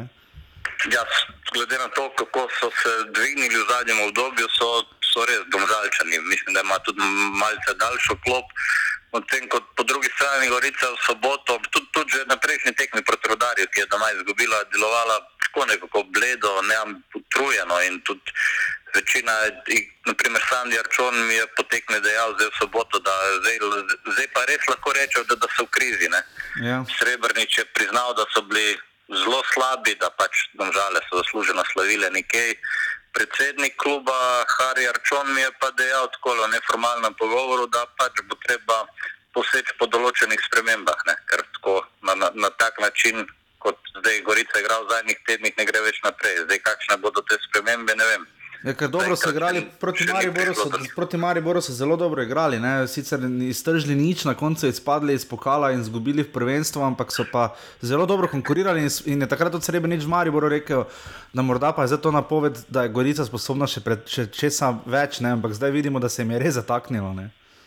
Ja, morda so jih tiste tekme tako psihično in fizično toliko izčrpale, ne? potem malce pade motivacija in zdaj res na zadnjih dveh tekmah so delovali brezkrbno, brezkrbno, anemično. Tudi, tudi igralski kader, pač ni z izjemo Mirana Burgiča, nima enega klasičnega napadalca. Ne? In mm -hmm. potem je težko, težko tudi Srebrenic uh, tako rotira. Mislim, pač se je poznalo proti rodarju. V prvem polčasu je igral brez Burgiča in se je točno videlo, pač tam so pletli do 25-30 metrov, potem pa, ko grožoval 16 terc, pa ni nobenega temne. Mm. In zdaj tudi to se malce pozna. Domžale imajo v tem pogledu precej širši kader, ne, tudi napadu in mislim, da tudi na vseh drugih igralnih položajih. Uh mhm. -huh. Simon, za konec, uh, veliko spremljaš hrvaški nogomet. Uh, kako ti vidiš uh, efekt Matjaža Keka in Marjana Pušnika? Bil je zelo pester derbi uh, reki, na reki, uh, minuli konec tedna, dve proti ena je uspela reka obrniti rezultat. Uh, Matjaž Kek še vedno vodi. Uh, daj mi najprej povej, kako se Marjan Pušnik kaj drži. Oh, tako bom rekel, iz tedna v teden je njegov položaj slabši, ker pač tisti prvi del je, je Hajduk igral solidno, tudi tiste evropske tekme, le po streljanju penalov so izpadli uh -huh. iz tele Evropske lige, proti Makabiju. Ja. In Pušnik je takrat dejal, da pač potrebuje čas kot vsak trener in zdaj je tam že nekaj mesecev, ampak nekega napredka v igri ni in to mu tudi ti navijači malce bolj kritični tudi zamerijo. Ni videti, da bi naredil nekako korak naprej v, v tem pogledu. Ekipa nima igre, kot bi si jo navijači zaželeli. Pušnik ima kar soliden igralski kader, tudi, tudi kar nekaj tujcev izkušenih, ampak nekega napredka v igri ni naredil. Še vedno veliko govori o tem visokem presingu, ki naj bi bil temelj Hajdukove igre. Uh mhm. -huh. Ampak od tega presinga trenutno ni videti nič, linije deluje zelo nepovezano, igralci spadajo in tako da trenutno ne vem, kaj bi rekel. Ja, Verjetno bo moral še ne par koli do konca tega jesenskega dela in res sedaj mora ne nekaj pokazati. Ne. Ja, da, potem, da se mu ne bo zgodilo, kar se mu je lani zgodilo v Ljubljani. Ja, ne? ker Hajduk je četrti in trenutno mislim, da se noben ne pričakuje prvega ali drugega mesta, vendar navijači pričakujejo vsaj eno tretje mesto trdno. Ja. Trenutno so pa četrti, ker je mislim, da pod željami, ambicijami. Ne. Ja, da se ne bodo na koncu z Osijekom dajali za tretje mesto. Ja. Kako pa je z Matjažem Kekom, uh, njegovo vlogo, uh, videl sem poročilo zelo dobro Urbana Lorenčiča na televiziji Slovenija, uh, je Kek pač pojasnil nekatere stvari. Keku tudi lani ni bilo lahko, pa mu je zdaj nekoliko lažje, res pa je, da je zgleda kar precej psihično zdelan in je rekel pač, da zdaj, ko ga ko, ko vodiš in te dinamo lovi, vsekakor ni lahko. Ne?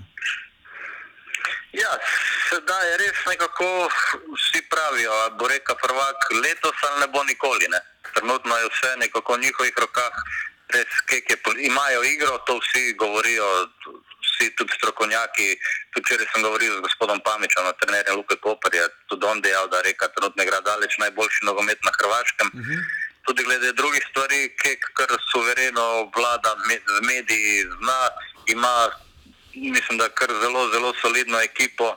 Sicer nekaj igralcev je, raz- je moral prodati poleti, kot sta Bezjak Tomaso. Uh -huh. In uh, tudi je moral spremeniti sistem igre. Z Bezjakom je tudi on predvsej igral kar pressing. eh, Ja, ja. Zdaj, ima v, zdaj ima v ekipi bolj tehnično sposobne igralce, tako da mogo malo prilagoditi sistem.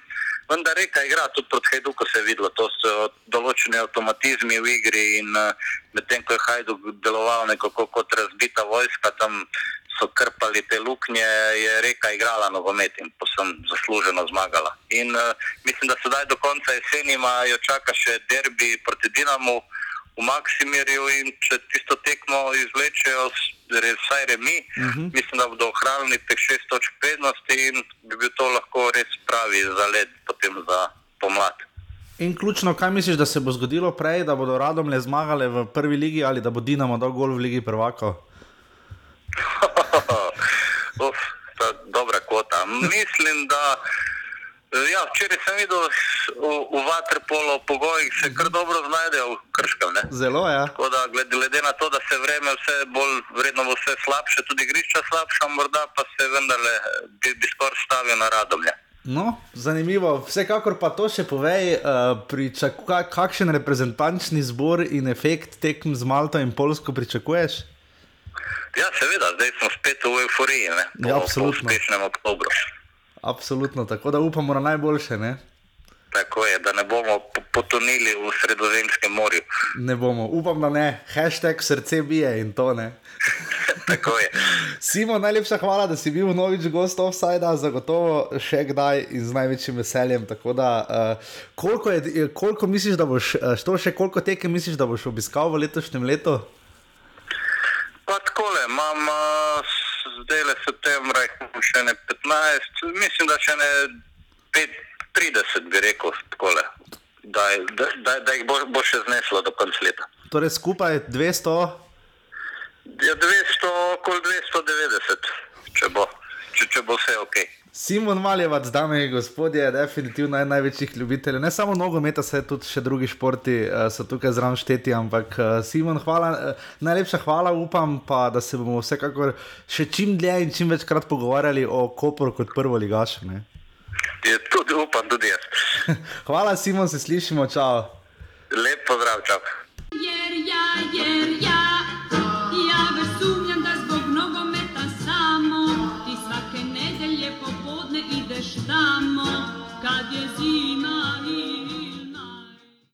Tako, uh, kar mislim, da v čast mi je, da je naš gost Andraš Kirm, uh, velik ljubitelj Andraža Kirma, je moj sovoditelj Klemen, uh, ki zelo, zelo spremlja uh, formo Andraža Kirma, kot jo tudi seveda vsi ostali, ne samo v Mariboru, verjetno še posebej v Ljubljani. Uh, ni kaj posebej za predstavljati Andraža Kirma, ima vendarle 71 nastopov za slovensko reprezentanco, s čimer je na desetem mestu izenačen z Johnnyjem Novakom in je uh, nogometaš, ki je zbral že 143 nastopov v prvi ligi, je igral tudi uh, pri Visli, pa Greningenu, pa tako naprej. Ampak najprej dobro jutro, dober dan, Andraš Kirm. Ja, dobro jutro tudi vam. Um, Andraš, včeraj je bila kar pestra tekma v Kopru, uh, na koncu je rok korona veter z Eurogolom poskrbel, uh, da ste spet prvi. Uh, kako ste vi videli tekmo, oziroma uh, ste mislili že, da vam gre kaj za nohte? Uh, um, glede na to, da je Koper začel tekmo zelo spremenjeno postavo, um, smo po eni strani upali, da bo tekma precej lažja, kot se je na koncu izkazalo. Uh, sploh tudi, ker smo zadeli že zelo v zgodnji fazi tekme. Uh, mislim, da bi lahko uh, prej tekmo um, končal še z drugim golom, mislim, da bi se potem koprčani ustavili, ampak um, nekako nam ni šlo, igra nam nekako ni stekla, um, potem so jasno koprčani tudi po tistem zadetku dobili še krila in so tudi oni nekako dobili upanje, da lahko odnesejo kaj več kot sam točko. Um, uh, no, na koncu smo povsem uh, tekmo zmagali in uh, te, te tri točke so bile izredno pomembne. V bistvu so vse točke res je zdaj na knap, malo Maribor, malo Olimpija, malo Maribor, malo Olimpija. Kako je, kako je bilo priti uh, v Ljubljano uh, v tej sezoni? Uh, kako ste vi videli, kako ste se odločili za Olimpijo, kaj ste opazili na začetku, kako je igrati v Ljubljani, ki je zdaj ne na zadnje pod velikim pritiskom, prišli ste k aktualnim državnim prvakom? Ne? Ja, vedno je težje naslov brand, kot uh, usvojiti prvič, ker jasno si pod določenim pritiskom od uh, nasprotnih ekip, ki želijo zmagati, tako da to je že splošno znano, da je uh, teže nekaj ponoviti, kot usvojiti prvič. Um, Drugače nisem, ko sem dobil ponudbo Olimpije, nisem dolgo razmišljal, bil sem pripravljen prijeti, vedel sem, uh, za kakšen projekt gre. Uh, tudi malo bolj sem se potem predstavil, ko sem bil na pogovorih. Um, sem vesel, da sem tukaj in uh, jasno je moja želja, da Olimpija ostane prvak tudi v tej sezoni. Je bilo tu morda kaj, morda ste govorili, kdaj kaj z, v tem času z Milivojem Novakovičem? Um, niste edini, vrnil se je Marko Šuler, pa Miran Burgič, pa še marsikateri bivši reprezentanti, že predtem Aleksandr Rajčevič, ste, uh, Radosvaljevič, ste se kdaj. Uh, je tu kaj dilem, ko se, ko se vračate v slovenski nogomet? Ne? Ba, ja, jaz se s, temi nismo se pogovarjali glede vrnitve, kako uh -huh. je na koncu, koncu odločitev vsakega posameznika. Ampak um, um, jaz osebno si nisem predstavljal, da se bom uh, vrnil. Nisem niti razmišljal o tem, da bi se sploh kdaj vrnil nazaj v Slovenijo.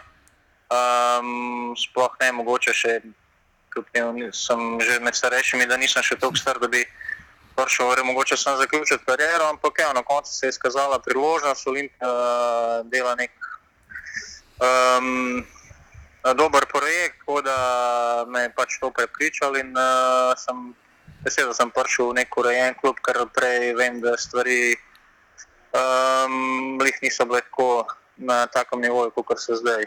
Mm -hmm. 2009 ste zapustili z uh, dvema naslovoma, ste zapustili uh, uh, klub uh, Domžale in ste potem uh, šli uh, v Vislo, pa Greningen in Omonijo. Uh, kaj se je spremenilo v tem času, ko ste se vrnili potem nazaj v Slovenijo? Ja, moram reči, da se mi zdi, da se je kar precej stvari spremenilo, da je liga veliko bolj medijsko pokrita, veliko bolj zanimiva, sploh zdaj, ko sta oba kluba, tako Olimpija kot Maribor, v vrhu, že samo dejstvo, da je bilo na derbiju ne, mislim, da 14-15 tisoč ljudi pove veliko, um, koliko se je spremenilo takrat. Uh, da, tudi, mislim, da je liga uh, bolj kvalitetna, kot je bila takrat, da je se vidi tudi napredek uh, v klubih, uh, da dela vse več. Um, trenerjev, ki so, ki so prej igrali nogomet, uh, veliko mladih trenerjev, ambicioznih, uh, tako da tudi mislim, da razvijajo nek bolj napadalen stil, kot se je mogoče takrat, ko sem jaz uh, uh, igral v Domžalah. Mm -hmm. Kakšen spomin imate na tiste Domžale takrat?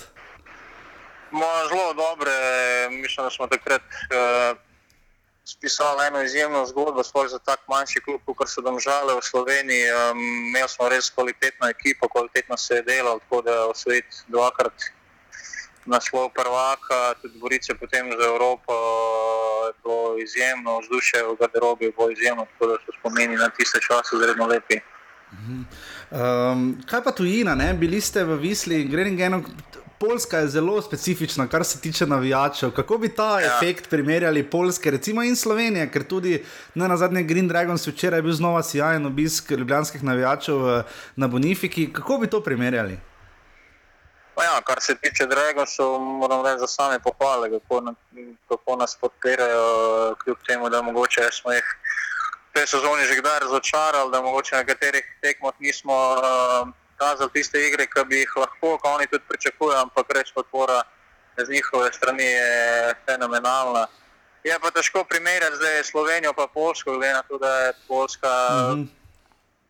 ima toliko več prebivalcev, da je pač tam uh, to malo drugače.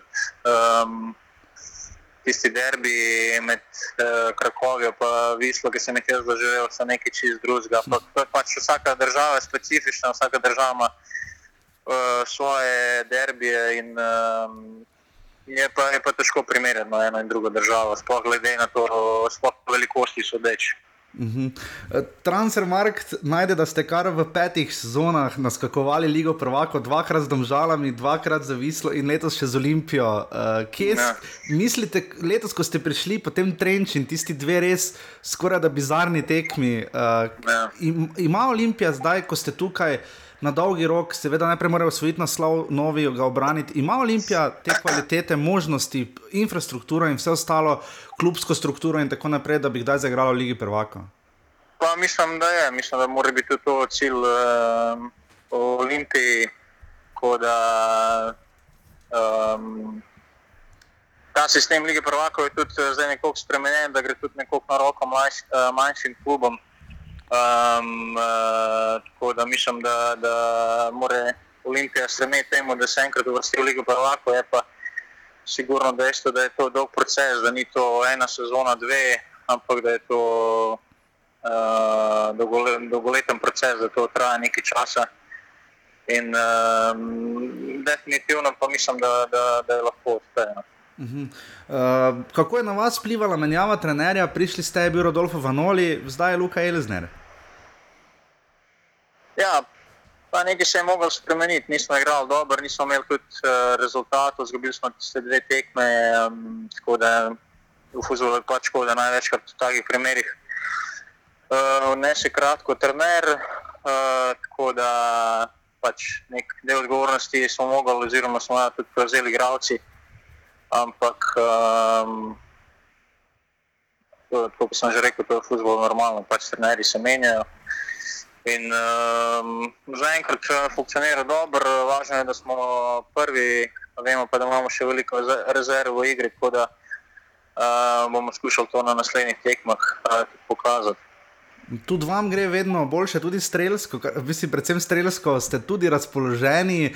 Kako na vas vpliva ta morda sistem igre? Luka Elzner preferira morda bolj 4-3-3, menjavate se recimo z Elekem, pogosto tudi na tisti vaši strani. Eh, Kako vam ustreza ta pozicija, oziroma kak, kako vam paše igrati na tej poziciji? O ja, meni je to pač. Uh, um, Mi ustreza ta sistem, to sem tudi celo življenje igral in reprezentanci in v klubih, tako da dobro, zdaj so nekatere spremembe v teh sistemih, ali je to 4-4-2, 4-3-3, um, ampak uh, to je bolj na papirju. Pač uh, na igrišču sem krilo, kukar koli, uh, mi ustreza, da sem bliže golu, da asistiram, um, da prihajam v priložnosti, tako da definitivno tudi uh, z tega vidika vplivalo pozitivno na me, ta sprememba sistema. Mhm, In pa tudi pozitivno ste reagirali po derbiju, ko je Maribor prepričljivo slavil s 3 proti 1. Kaj ste si takrat rekli v slačilnici, Eh, kaj se je spremenilo, da zdaj imate, da ste v dobri formi? Ne? Ja, um, pa nič, jaz sem bolj razočaran po tistem derbiju, veliko, predvsem zato, ker smo vedeli, da bi lahko iztržil precej več, bili smo razočarani tudi zaradi vseh teh ljudi, ki so nas prišli podpirati na stadion in ki so nas podpirali doma pred televizorji. Da, ampak um, čez, mislim, da čez tri dni smo imeli že novo tekmo, tako da kaj dosti obžalovati nismo mogli, ampak uh, smo pač to vso uh, negativnost oziroma razočaranje usmerili v naslednje tekme. In, uh, uh, kljub temu, da smo potem v, v Velenju um, igrali nič, nič uh, smo še vrnili smo se nazaj na prvo mesto. In um, mislim, da tukaj Olimpija tudi mora biti. Uh, je morda tukaj uh, preizpraševan, recimo, ko je Marko Šuler prišel v Maribor, je kar hitro povedal, da se odreka nastopom v reprezentanci, da je on svojo reprezentančno kariero končal.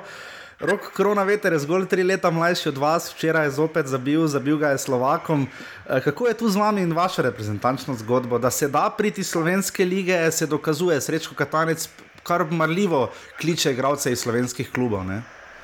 Ja, mislim, da je to edino pravilno. Kot sem že rekel, mislim, da je slovenska liga kvalitetna, da predvsem posamezniki uh, so kvalitetni. Um, tako da um, osnova mora, mora biti pač um, domači fanti, domači vzgojeni fanti.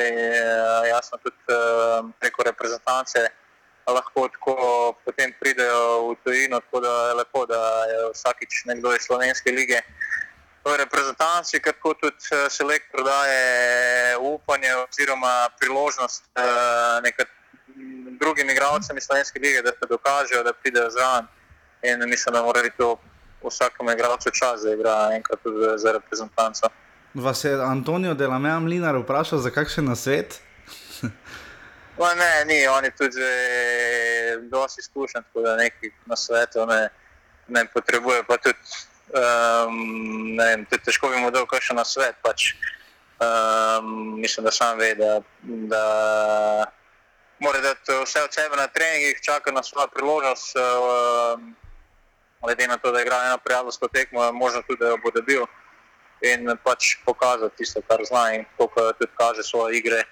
Eh, letos v, v, v klubu, da jih samo prenesem na ta uh, reprezentanco. Mhm, Andraš je morda bilo, ne, videli smo recimo pri Milivoju Novakoviču, ki je. Res da napadalec, ta klasični, je toliko več pritiska bilo na njem. Je bilo kaj pritiska, ker ste Andraš Kirm. Kako je biti Andraš Kirm v slovenskem nogometu? Imate, to, imate veliko nastopov za reprezentanco in tako naprej. Kako je, kako je igrati v slovenski ligi, oziroma je kaj pritiska, ker ste Andraš Kirm?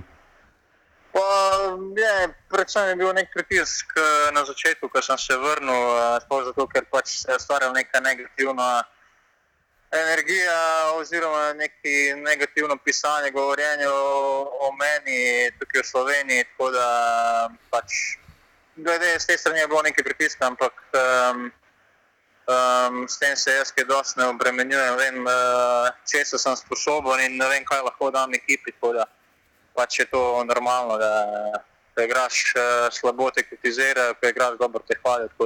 To sem že večkrat rekel, da uh, se s tem kaj dosti ne bremenjujem. Tudi um, ne poslušam, oziroma ne berem, kaj dosti kaj govorijo drugi. Uh, meni je važno, da, da pomagam ekipi, da, da sem zadovoljen sam s svojo, svojimi igrami. In, um, to pač. Um, to mi je cilj in to me že naprej. Verjamem, ker nekako ključ do tega se zdi, vsi ti bivši reprezentanti, ki igrate iz tiste ere Matjaža Keka oziroma svetovnega prvenstva, izredno borben pristop imate, tako včasih, eh, recimo tudi Miroslav Radovič ga je lani pokazal, pa zdaj zabija ja. za legijo. Ne? Očitno je to rešitev, ta neizprostna borbenost. Pa, ja, mislim, da, da je to osnova, da pač, uh, tudi če ti mogoče ne grejo v nekaterih drugih segmentih igre, da daš od sebe, tudi navijači znajo to oceniti. Tako da te tudi uh, za to nagradijo, kljub temu, da mogoče niso v tisti najboljši dnevni formi. Um, Kot sem že rekel, mislim, da je to osnova, da vsi dajemo vse od sebe in um, uh, to tudi uh, drugi vidijo in znajo, znajo to primerno nagraditi.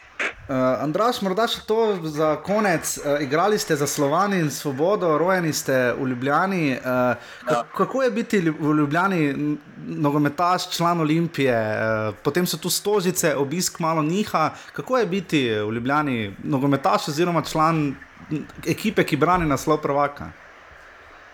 Po moram reči, da, da je lepo, da s prihodom eh, predsednika Mandariča so se v Ljubljani oziroma v Olimpiji nekatere stvari, oziroma kar precej stvari spremenilo. Olimpija je postala precej bolj eh, ambiciozna, kot je bila prej. Tako da eh, je tudi meni čas, da igram za, za, za Olimpijo, glede na to, da sem Ljubljančan in sem prej bil po bolj eh, manjših klubih v. v v Ljubljani, nisem nikoli eh, bil član Olimpije.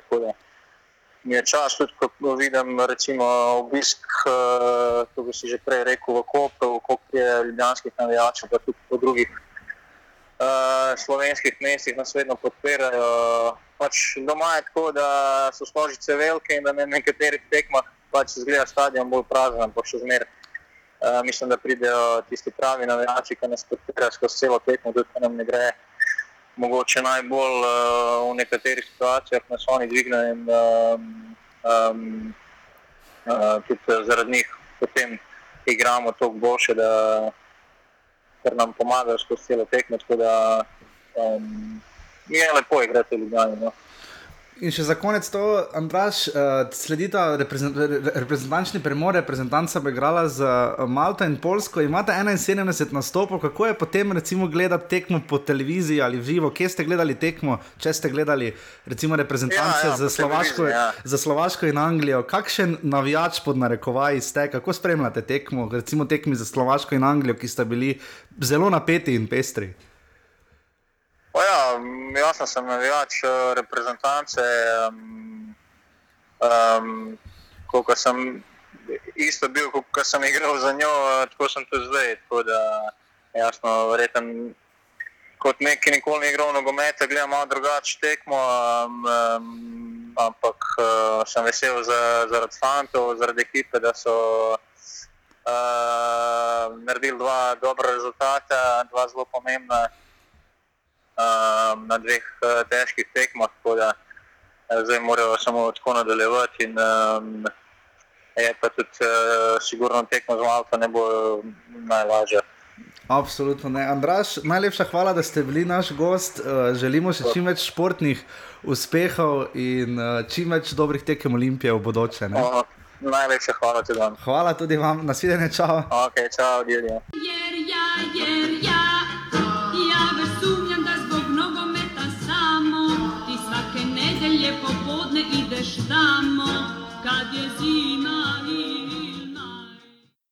Tako, to sta bila Simon Maljevac, mali in mali z Betule, in pa, uh, upam, da sem to prav naglasil, in pa seveda Andraš Kirm, član nogometnega kluba Olimpije. Hvala Aljoši Vekiču, da je uredil ta intervju. Uh, če imate kakšne predloge, koga bi gostili, nam pišite na Facebook ali pa na offsetafnorbani.com, pač poskušamo rezati čim več klubov uh, nekako zajeti.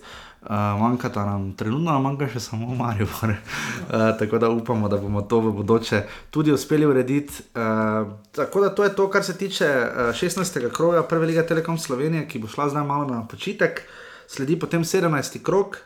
Uh, to še pač poveva, predtem prideva še na konec malo ocena reprezentance in pač poklica in vsega tega. Uh, 17. krogu, uh, potem 19.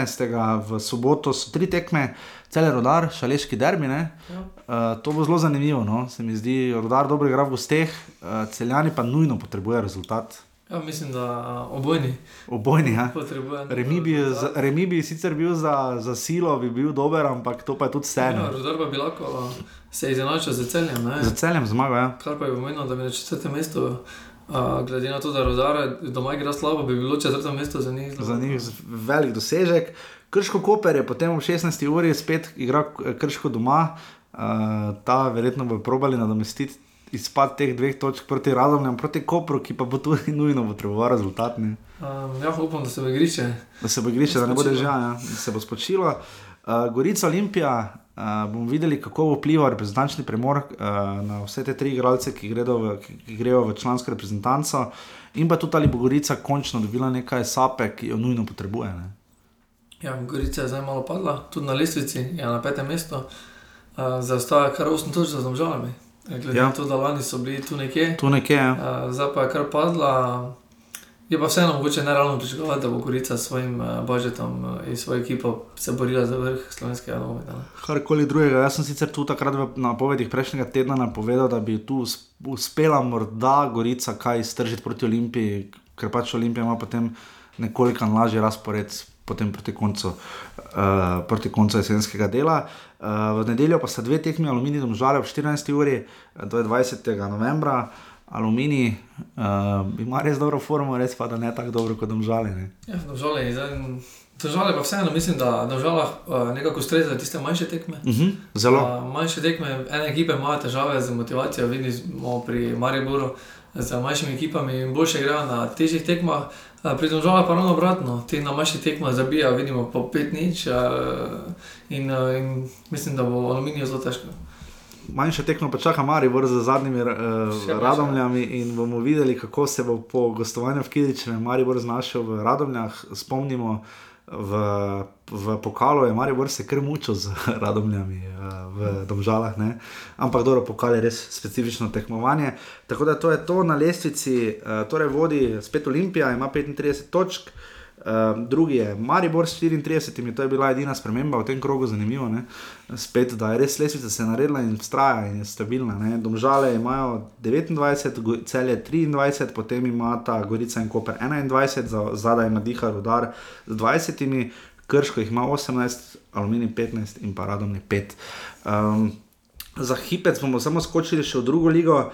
Uh, v drugi ligi pač se zdaj pozna, da tekme z Avrčem pač odpadajo. Uh, trenutno, zdaj ne vem, to, upam, da je to prava lestvica. Triglo ima 34 točk, zadaj pa Dob s 33, ne? in potem Ankaran s 26, Ankaran, ki je B-plan Kopra, kot je povedal Simon Maljevac, uh, Krka pa je še na petem mestu ne, z 19 točkami. Morda uh, to je to, kar se tiče uh, ligaškega ustroja. Uh, čakata slovensko reprezentanco dve tekmi. V petek z Malto ob 20. uri in 45 minut na dan Svetega Martina, in pa potem v ponedeljek tudi v, za Polsko uh, ob 20.45. 20.45. Uh, Klemen Malta ni slab tekmec, ne? Mislim, da bo zelo težko. Bo ne? Res? Ne vem. Um, mislim, da Je v napadu, bo problem Slovenije. Bo, ja. Misliš, da bo Novak začel v prvi postavi? za formi. Ja, seveda je, ampak misliš, da bo začel? Um, možno je, da bo. Uh, Je pa to tekma, ko res lahko debitira Andraš Porar, ne? Mislim, če kdaj, potem zdaj ne. Ja, ali pa proti Polski potem. Uh, Pa proti Poljski, ja. Poljski, mislim, da bo jih tam dobilo več priložnosti. Uh, Vsekakor pa je problem, ker ima kar nekaj poškodovanih. Katanec, primerjavi ja. z Anglijo. Ja. Za postavo z Anglijo ima kar nekaj poškodovanih. Pa kartone ima struna, ne? Jokič, Struna manjka. Kampl, Berić, Bezjak, ja. Bezjak, Kampl. In, in to je manjši, manjši problem, je pa vseeno to, da razlika v tem, da imamo mi. V primerjavi z Malto, kako veznejšo ekipo, še bolj široko, tudi eh, ne glede na to, kdo bi igral, bi mogli, morali, morali prinesti tri točke nazaj. Absolutno. Uh, Omenil sem Andraža Šporarja, uh, pri Šporarju je seveda igral proti Paris Saint-Germainu zadnjih 20 minut, 15 minut, minuli, minuli, teden, uh, minuli teden v Ligi Provako. Ker Katanec je pač rekel, tokrat izjava, ki se je posebej pač se mi utrnila v spominje, ta dan ne bo več klical igralcev, ki ne igrajo v klubih. Ne? Ja, ampak vseeno je pa na ligaški tekmi potem igral 90 minut. ne. Uh -huh. Um, ta izjava je bila glede na to, da Luka Krajc ne igra v svoji Za ekipi. njega je bilo. Ja. Um, je pa res, da je v preteklosti kar nekaj igralcev, uh, klicev, ki niso igrali. Ne? Um, naprimer, Reko Rotman v Turčiji ni igral, zdaj tudi ne igra, pa je kljub temu nekaj časa klical. Ne? Um, vidimo, da Jokič tudi ni igral, uh, pa je kljub temu klical, ne? tako da ni neki kriterij za neke igralce. Ne? Uh -huh. Tu iščem našo kvalifikacijsko skupino, pa ne najdem uh, trenutno še. Uh, morda, uh, kaj misliš, bo Katanec kaj menjal sistem, bomo šli z enim napadalcem, z dvema napadalcema? Glede na to, da je vendarle to Malta. Ma, mislim, da sistema ne bo spremenjal, bo pa morala biti sprememba v, v glavah, um, da se ne bomo branili, da ni tekma kot proti Angliji oziroma Slovaški, da je zdaj drugačna in morajo to točko uh, proti, proti Angliji oziroma morajo zdaj nad- nadgraditi in, uh, in, uh, in zmagati. ne. Oziroma še čakati, da Škotska oziroma Anglija, katera zdaj igrata med sabo, da, da, da še tukaj nam, nam kaj drugi pomagajo. ne. Da nam bodo tudi drugi kaj pomagali pri tem. Uh, Torej, tu vidimo v naši skupini, sta seveda dve zelo, zelo, zelo zanimivi tekmi. Ne? V skupini F, uh, bolj kot naša, ne? uh, bomo videli, kaj bo na tekmi, seveda uh, uh, Litva, Anglija, Škotska je. Ja. Uh, to bo zelo, zelo, zelo, zelo, zelo zanimiva tekma. Ne? Tu bi Sloveniji zelo igral. Uh, Kaj več kot Remi bi bil že dober, ne? Remi bi bil Ja. nekako se zdi najboljša verzija. Kaj misliš, bodo Angliji se, po- Angliji bodo zdaj zelo pod trnoredom javnosti, z Remi v Sloveniji je bil sprejet kot zelo slab, ne? Ja, ampak mislim, da igrajo v Angliji. Ne? Igra na Wembleyju, ja. Da so tam dovolj močni, da lahko premagajo. No. Ker moramo pa gledati, ne, na, na lestvici je kar pestra. Angliji ima sedem točk, mi, Litva je pred nami, ima pet, mi tudi pet, uh, Škotska štiri in pa Slovaška tri, ter Malta brez točk in zgolj razliko 1-9. Uh, Slovaška Litva pa bo tudi zelo zanimiva tekma iz prizme. Bomo videli, če bo Litva nesla točko, potem ima srečo katanec prav. Ne? Ja, ima prav, ne, ampak zdaj to nam glih ne pomaga najbolj, ker se potem Slovaška nam uh, od zadaj približuje. Ne, in, uh, Zmaga Slovaške bi se tu, tu poznala. Mislim, Ja. če, tu se bo zelo, zelo, po tem krogu bo zelo vpliven, po moje, tekma v Litvi naša. Ne? Tu se bo zelo poznala. Uh, je pa res, da pač mi pričakujemo. No, pač Slovenija je favorit v tem dvoboju, tu pač ni, ni dileme proti Malti. Uh, in to je, kar se tiče bolj ali manj. Bolj ali manj to, kar se tiče eh, 63. offsajda, uh, za 16. krog so vam dolžna še samo uh, ključne osebe kroga. Uh, za uh, offset kroga smo torej rekli, pozni termini tekem, upam, da bo kanala vsaj potem očitno v spomladanskem delu morda malo več razmišljal o tem, ali pa vse potem na tistih preostalih treh tekmah, oziroma dve še potem ostaneta, ki še nista delegirani 3. in 10. decembra. Um, gol kroga smo pripisali roko krona vetro, igralec kroga prihaja iz Omžal, Marko Alvi. Marko Alvir za Hetrikom. Uh, menjava kroga smo rekla Gal Primc, ki je poskrbel, da so izenačili uh, Rad, Radomljani v Krškem. Uh, trener kroga pa bomo spet dala Simona Rožmana. Ne? Mislim, da je že prevečkrat dobil. Mislim, da zdaj je že kar trener eh, jeseni, uh, da vidimo samo še na hitro tukaj, če smo ujeli žreb, ampak mislim, da ne, ker je zgolj dve minuti čez 12. Um, zgolj žreb, tako da mislim, da nam to ne bo uspelo. Morda uh, Klemen, um, ki boš gledal tekmo z Malto. Moram gledati. Moraš gledati, sedaj moraš gledati. ne. Um, bomo videli, kako bo, kako bo torej z žrebom, uh, pokala, to boste vse zvedeli še naknadno. Um, nič, to je bil 63. offset, hvala Simonu Maljacu Marjemu, res hvala Andražu Kirmu. Uh, da nas je poklical nazaj, ko smo se uh, malo lovili, tako da res hvala tudi nogometnemu klubu Olimpija, da, to, da, da so nam pomagali urediti ta intervju. In klemena, najljubša rubrika uh, na lesici od Domžale, še vedno vodijo s 46 celjani, so kar 4 offside zabeležili v ljudskem vrtu in prišli na drugo in ohranili drugo mesto z 41, tretji rodar z 38, aluminij ima 35 offside, še vedno enega več kot Maribor, Gorica jih je zdaj ima 30 skupaj z Olimpijo, uh, Radom ne 29, Krško 24. Jaka Štromajer pa še vedno ni prišel v staro formo, tako da Koper še vedno ostaja pri 19 offsajdih. Tako da to je to, eh, kar se tiče domžal in uh, domžal, kar se tiče offsajdov. Uh, hvala vsem, da ste bili z nami tudi v tokratni oddaji. Uh, slišimo se potem 64. offside, bo na sporedu, uh, bo šlo v torek. 15. Uh, 15. novembra, Klemen je lepo pokimal, oziroma nekaj med pokimanjem in odkimavanjem, uh, torej da bomo zajeli obe tekmi, tako z Malto kot Polsko, uh, tako da 64. offset bo znova reprezentančno obarvan. Tako da do takrat pa hvala, da ste bili z nami. Uh, se slišimo potem spet v torek uh, in uh, hvala gostoma. Jaz pač tu gledam, če še bo ujel žreb, pa mu ne bo usvojeno. Uh, Klemen, hvala tebi, da si bil gost. Hvala. gost. Čisten čisten zblojen od tega žreba, pa Twitterja. Uh, tako da to je to, uh, se slišimo v torek, če se znajdete v offsajdu. Bo, bo, bo, bo, bo, bo, še enkrat boš. Boš, Ne, boš, pa sem že videl, da bomo končali. Si videl, baj, da je si ona roka, ne? Sem že videl, da bomo brez tega tudi končali. O, ne, se ne, sodnike super, sodo, so, sodo je Vinčič. Uh, tam, mislim, jaz bi tam Bengu karton dal. No. Če, pa, če bi pa tisto roko sodili, ne, tam, ko je žoga zadela v komolec, ne, tisto pa res ni penal. Ne. Ti ne veš. Jaz ne vem, to je res, to je res. Čakamo še na sodniško organizacijo, da se nam slejko prej pridruži v oddaji. Offside, tako da to je to. Uh, v polfinalu pokala Slovenije se bo Olimpija pomerila z Mariborom.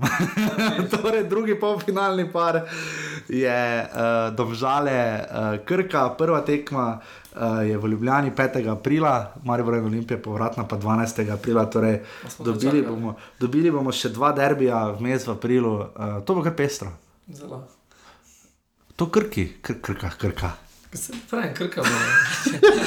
to je to, hvala, da ste bili vse, da vse, vse informacije in vse eh, relevantne goste ste ujeli. Slišimo se spet v torek, hvala, adijo, čau. Adijo. Jer ja, jer ja.